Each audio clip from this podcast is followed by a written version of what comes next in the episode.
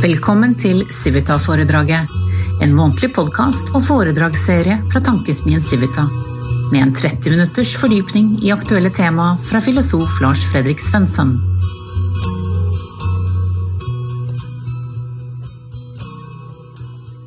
I Ludvig Holbergs komedie 'Jeppe på bjerget' stiller spørsmålet 'Hvorfor drikker Jeppe?'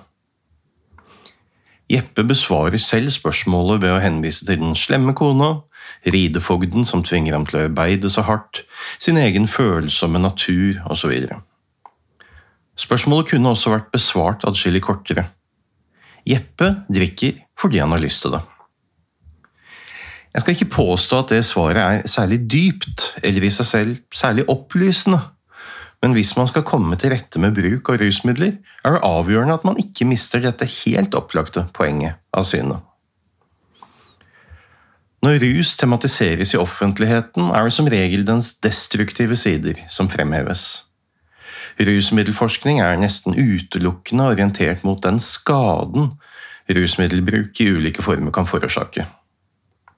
Det er ikke nødvendigvis urimelig, og det er formodentlig viktigere å fastslå hvilken skade rusmidler kan medføre, enn å avdekke hvilken nytelse den jevne vinentusiast får av et glass rød burgunder. Men det er likevel klart at dette valget av perspektiv på forskningsobjektet gir oss et høyst ensidig blikk. Så vidt jeg vet, er en eller annen form for rusbruk en del av nesten enhver kultur opp gjennom historien. Og alle disse kulturene har også forkastet visse rusmidler. Et spesielt trekk ved vestlige land i nyere tid er derimot den store utbredelsen av rusmidler som ikke er allment sosialt akseptert. I boken Junkie skriver William S. Burroughs du blir narkotikamisbruker fordi du ikke har noen motivasjon til noe annet. Dopet vinner på walkover. Men rusmidler har utvilsomt også enkelte andre kvaliteter som motiverer for bruk. Så det opplagte svaret på hvorfor folk bruker rusmidler, ja, det er ganske enkelt. De har lyst til det. To opplagte grunner til å bruke rusmidler er f.eks. at man vil forbedre noe man forventer vil være bra, som en fest, eller at man vil gjøre noe mindre traurig, trist eller kjedelig. Og det er ikke til å komme fra at rusmidler ofte fungerer utmerket til begge deler. Rusopplevelser er ofte gode opplevelser. Det er også klart at rusbruk kan være direkte meningsgivende handlinger, og ikke bare en flukt fra tiden.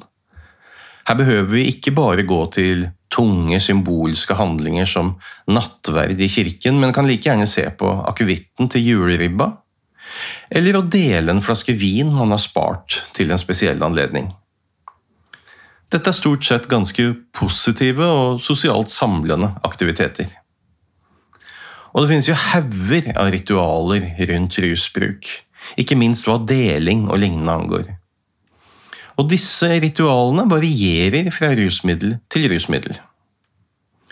Rituelle handlinger har en symbolsk karakter, og her er vi fremme ved noe viktig. Symboler er sosiale størrelser. De er ytre representasjoner av meningsstørrelser, og slike meninger er noe vi samles rundt. I prinsippet kan enhver ting få en slik symbolsk funksjon. Den tyske filosofen Martin Heidegger skriver om hvordan tingene tinger. Det betyr at tingene virker samlende. Ordet ting betyr jo opprinnelig samling eller sammenkomst som gjorde Stortinget. Tingene forener oss og gir oss en identitet. Eksempelet Heidegger selv gir, er en vinkrukke som samler folk rundt et bord.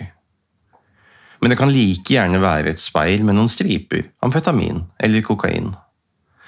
Speilet med dopet virker samlende på dem som befinner seg rundt det, og gjør dem til et fellesskap. Det kan oppleves som en meningsfull aktivitet som bidrar til å gi dem som bruker en felles identitet, og som dessuten skiller dem fra dem som ikke bruker det.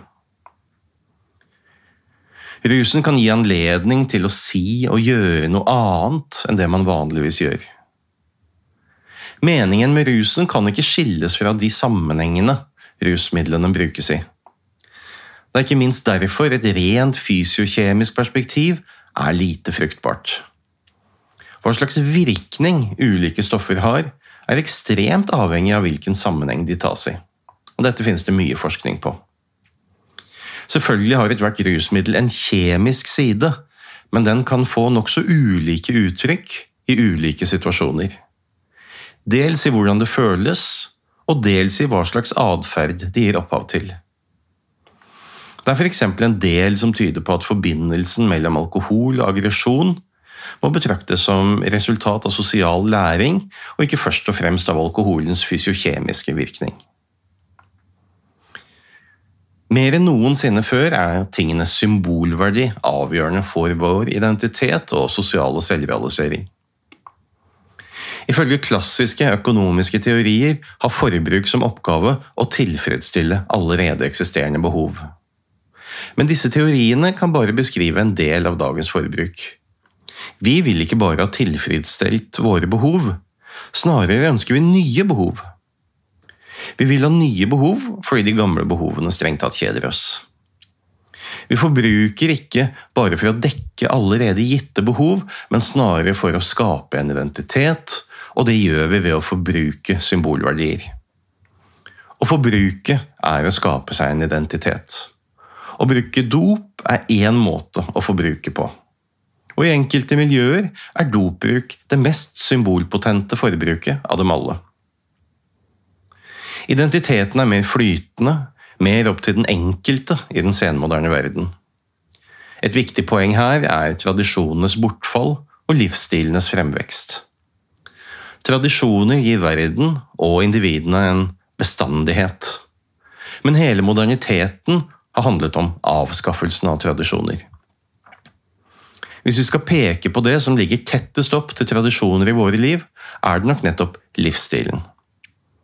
Begrepet om livsstil høres trivielt ut, men er avgjørende for å forstå det moderne livet.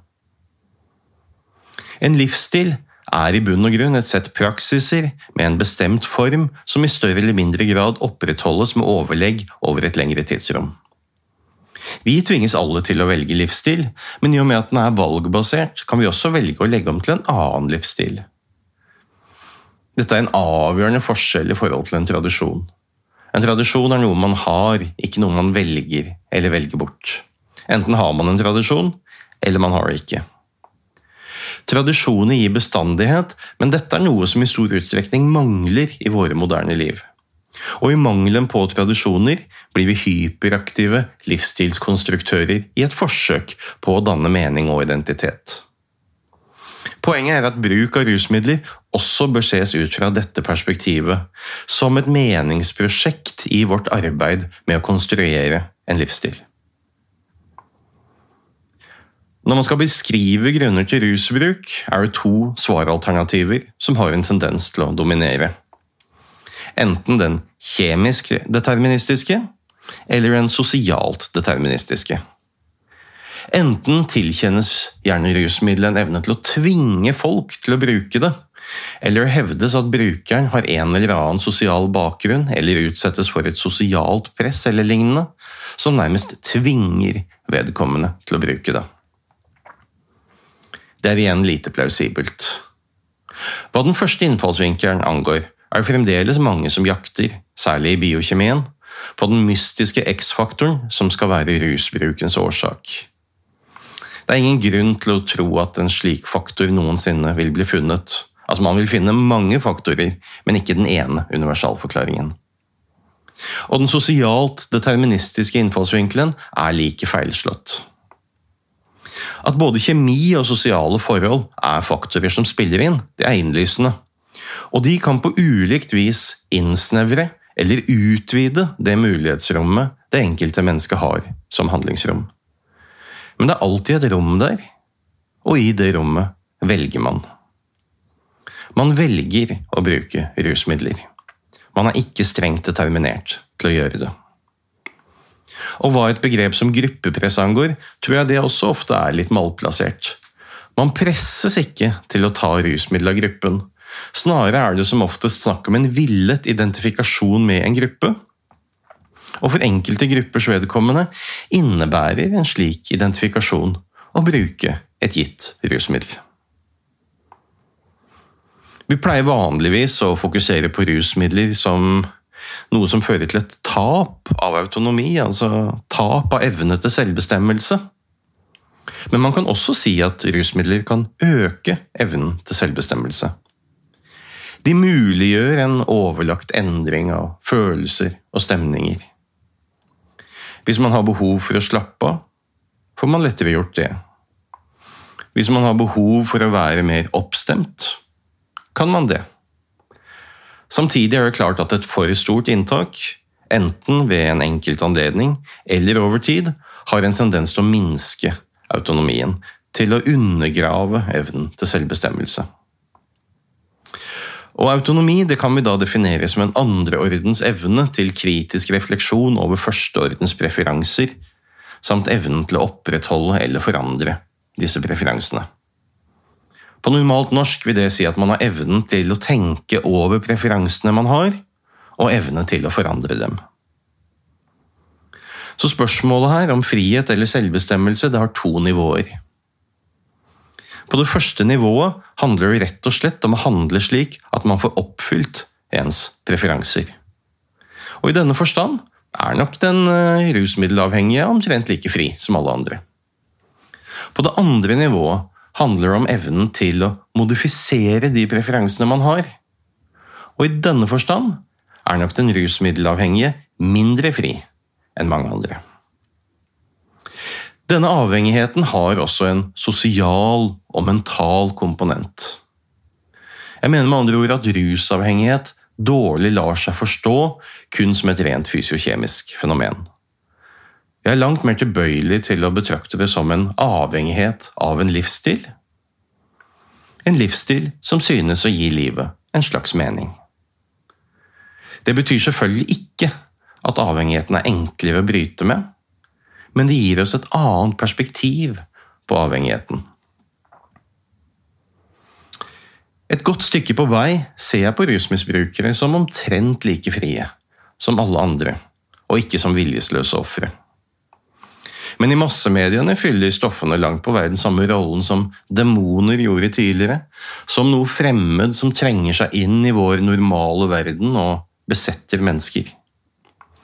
Vi finner jo tilsvarende beskrivelser hos brukerne også, fordi det er enklere å se seg selv som offer for ytre krefter og omstendigheter, snarere enn som noen som har ansvar for sine egne handlinger. Og vi mennesker vi kan antagelig utvikle avhengighet av det aller meste. På et abstrakt nivå er det ikke så stor forskjell på ulike avhengigheter, men i praksis ytrer de seg ganske ulikt. En avhengighet som sjelden blir nevnt, er den kanskje mest utbredte av dem alle blant oss mennesker, nemlig avhengigheten av mening. Mennesket er et vesen som er avhengig av mening. Vi har alle et stort problem. Livet skal fylles med et eller annet innhold. Vi klarer ikke å leve innholdsløst. Innholdsløsheten er kjedelig. Og kjedsomhet det kan metaforisk beskrives som en meningsabstinens. Kjedsomheten kan sies å være et ubehag som melder at begjæret etter mening ikke blir tilfredsstilt. For å bøte på det og i fravær av the real thing, hva det nå enn måtte være, tyr vi til ulike meningserstatninger. En slik erstatning er rusmidler.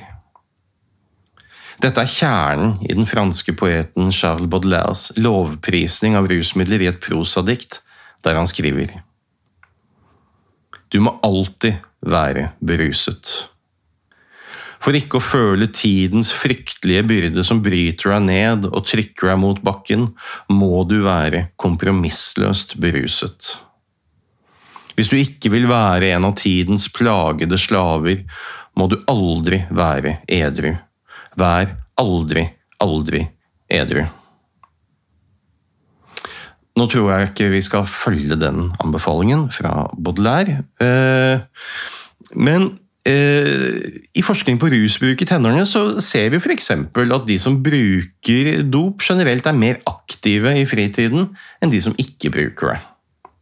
Og de oppgir behov for spenning som en hovedmotivasjon. Alle mennesker behøver en slags likevekt mellom behov og muligheten til å tilfredsstille disse behovene. Og når det oppstår et misforhold mellom de to, så oppstår også en mistrivsel. Det kan oppstå i form av stress, men det kan også oppstå i form av kjedsomhet. Og for å bøte det, så søker vi ulike typer meningserstatninger som kan gi oss et innhold. Og For de fleste er denne meningserstatningen bare et lite innslag i en tilværelse med utallige andre meninger og meningserstatninger. Og de fleste av oss blir stående igjen der. Så går noen videre og har mer regelmessig bruk. Og så har vi dem som går enda et hakk videre og ender opp med et stort problem. Jeg vil i grunnen reservere termen misbruk for denne siste gruppen, uten at det betyr at jeg betrakter all annen bruk som uproblematisk. Hva er det som kjennetegner denne siste gruppen? Jo, rusmiddelet blir den dominerende livsmeningen. Den blir det alt annet grupperes rundt. Man har funnet en meningserstatning som overtrumfer praktisk talt alle andre hensyn. Og den er det selvfølgelig ikke så enkelt å gi slipp på. I filmen Trainspotting sier hovedpersonen at det er én stor fordel ved heroinavhengighet. Mens livet er fullt av en rekke problemer for vanlige mennesker, har heroinisten bare ett eneste problem, nemlig å skaffe stoff. Han har et poeng. Som rusmisbruker har man et livsinnhold, nemlig å skaffe rusmidler. Og når rusmiddelet er borte, må noe fylle tomrommet etter det. Og det er her vi finner den største utfordringen hva rehabilitering angår.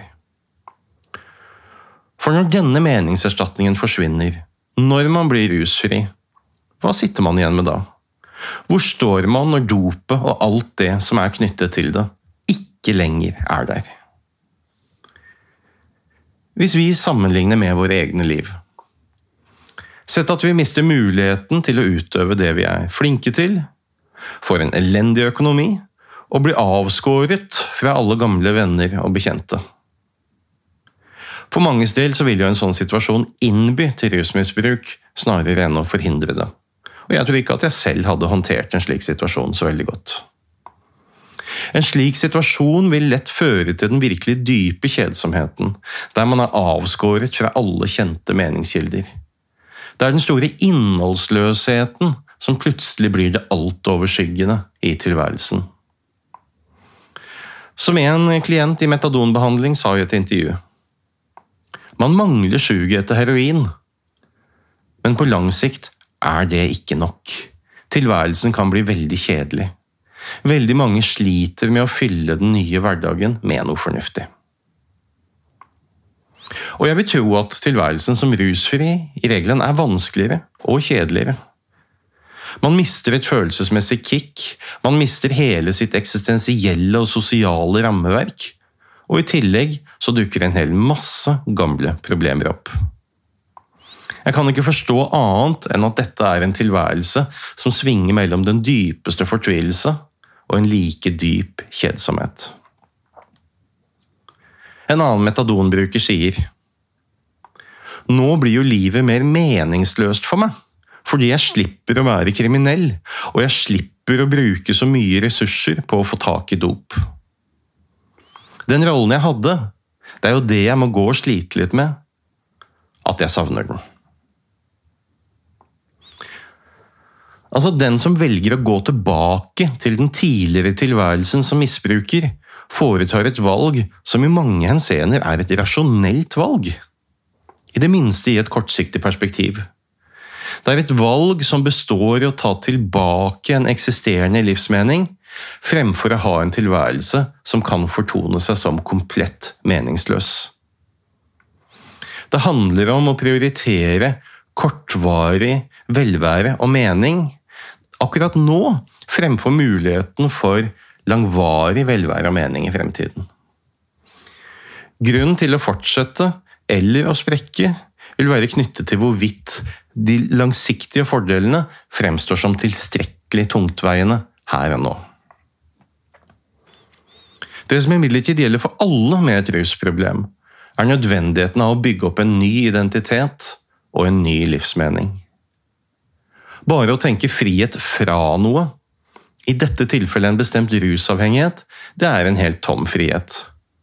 Man må gi friheten et innhold. Man må gi friheten en substans. Man må utforme friheten som en frihet til å etablere nye, meningsfulle forpliktelser. Det må skapes en polaritet mellom en mening som skal fullbyrdes, og den personen som skal fullbyrde den. For meningsbehovet det er et grunnbehov i den menneskelige tilværelsen. Og det store spørsmålet vi alle må bakste med, er jo spørsmålet om hvordan vi kan etablere mening i livet. Og det fins no, neppe noe som helst som alene kan utgjøre en tilstrekkelig mening i livet. Heller ikke, eller kanskje særlig ikke, rusmiddelet. Meningen i livet består av et nettverk av delmeninger. Og Slike delmeninger er typisk forhold til familie og venner, kanskje en kjæreste, et hjem, en jobb, en hobby og noen andre mål. Og vi må forutsette at det faktisk er en livsmening å finne for enhver. Ingen andre kan definere din livsmening for deg. Det skal være en personlig mening, og selv om man kan hjelpe folk nærmere en forståelse, er det i siste instans slik at den enkelte må finne ut av alt dette på egen hånd. Og nettopp fordi det er en personlig mening som skal etableres, så vil også behandlingsopplegg måtte være individuelle. Og Det er noe av grunnen til at jeg ofte blir skeptisk når kjemisk rehabilitering lovprises uten forbehold. Fordi det skapes en forestilling om at det finnes en nokså billig kur som løser alle problemer for enhver. Selvsagt ønsker man enkle løsninger, men det er faktisk nesten ingen problemer av betydning her i livet som er enkle å løse. Og det finnes neppe noen enkel oppskrift som kan erstatte de ressurskrevende, individuelle oppleggene. For å fungere normalt som menneske må man i en viss forstand ha svar, en viss forståelse av noen grunnleggende eksistensielle spørsmål. Man må kunne plassere seg selv i verden og ha en noenlunde stabil identitet. Å etablere en sånn identitet krever en sammenheng, at man kan fortelle en noenlunde sammenhengende historie om hvem man har vært og hvem man skal bli. Å ha en identitet er å ha forestillingen om en narrativ tråd i livet, der fortiden og fremtiden gir mening til nåtiden. Og det ser ut til at fremtiden i en viss forstand faller bort i et misbrukerperspektiv. Men det må etableres et fremtidsperspektiv. I det minste litt etter litt. Og for å få et grep om fremtiden må man også bringe frem fortiden. Det er en fortid man ofte har holdt på avstand ved å gå helt og fullt opp i nåtiden. En nåtid som i stor utstrekning har bestått av finansiering og inntak av rusmidler. Men fortellingen om ens fortid, innrømmelse av ens fortid, det er en innvielse i hvem man er. Det er å bringe det inn i sannheten, og da forandres det. Vi har alle en rett til å bli bedømt ut fra hva vi har gjort, for det er ved å gi noen ansvar for egen fortid at de også kan gis et ansvar for egen fremtid. Fokuset på fremtid er også helt avgjørende. Som allerede nevnt er det ofte rasjonelt å bruke rusmidler i et korttidsperspektiv, og irrasjonelt i et langtidsperspektiv. Siden folk stort sett er noenlunde rasjonelle, eller i det minste ønsker å være det, må langtidsperspektivets rasjonalitet etableres. Det handler om å åpne opp fremtiden som et felt av genuine muligheter, snarere enn å fokusere på å fordrive nåtiden. Så nåtiden den må relateres til fortid og fremtid på en meningsgivende måte hvis vi skal klare å etablere en sammenheng i livet. Og den fortellingen det er jo en meningsskapende aktivitet hvor vi organiserer erfaringen vår i episoder og skaper en sammenheng mellom dem, slik at de danner en helhet. Og det er jo ikke snakk om å avdekke et underliggende, gitt, egentlig permanent selv. Det handler om å bli seg selv. Selvidentiteten er ikke noen gitt, uforanderlig størrelse. Den er noe som må fortelles og gjenfortelles, og den forandrer seg litt hver gang den gjenfortelles. Uansett kan man ha en identitet bare i kraft av at visse ting betyr noe for en. Og omvendt er det ens identitet som gjør det mulig å avgjøre hva som er av betydning for en, og hva som ikke er det. Så vi kommer frem til den i og for seg enkle, men viktige innsikten i at mening og identitet kan etableres bare så fremt man bryr seg om noe. Å bry seg om noe er å verdsette det, i vid forstand at det er gjenstand for ens begjær, og at det er et begjær man ønsker å opprettholde. Det er ikke et forbigående begjær, men et man identifiserer seg med og betrakter som uttrykk for hvem man er. Men det er ved å bry seg om noe at verden får mening for oss. Det er ved å bry seg om noe at livet får en retning. Så er det neppe noe, noe som helst som alene kan utgjøre en tilstrekkelig mening. Man får heller prøve seg frem og forsøke å etablere et slags nettverk av delmeninger. Man må forsøke å finne en konstellasjon som fungerer for en. Kanskje man kan hjelpe folk litt nærmere en forståelse av hva som er gode eller dårlige veier å gå på i etableringen av en sånn livsmening, men i siste instans så må hver og en av oss finne ut av alt dette på egen hånd. Det er uansett avgjørende at man lar folk forstå at de har et valg, at de har et ansvar for egen rusbruk, egen fremtid og egen livsmening, og at det faktisk er i deres egen makt å forandre det livet. Det er menneskelig lykke og mening vi ønsker å fremme. Det gjør vi neppe særlig effektivt ved å demonisere noen kjemiske stoffer.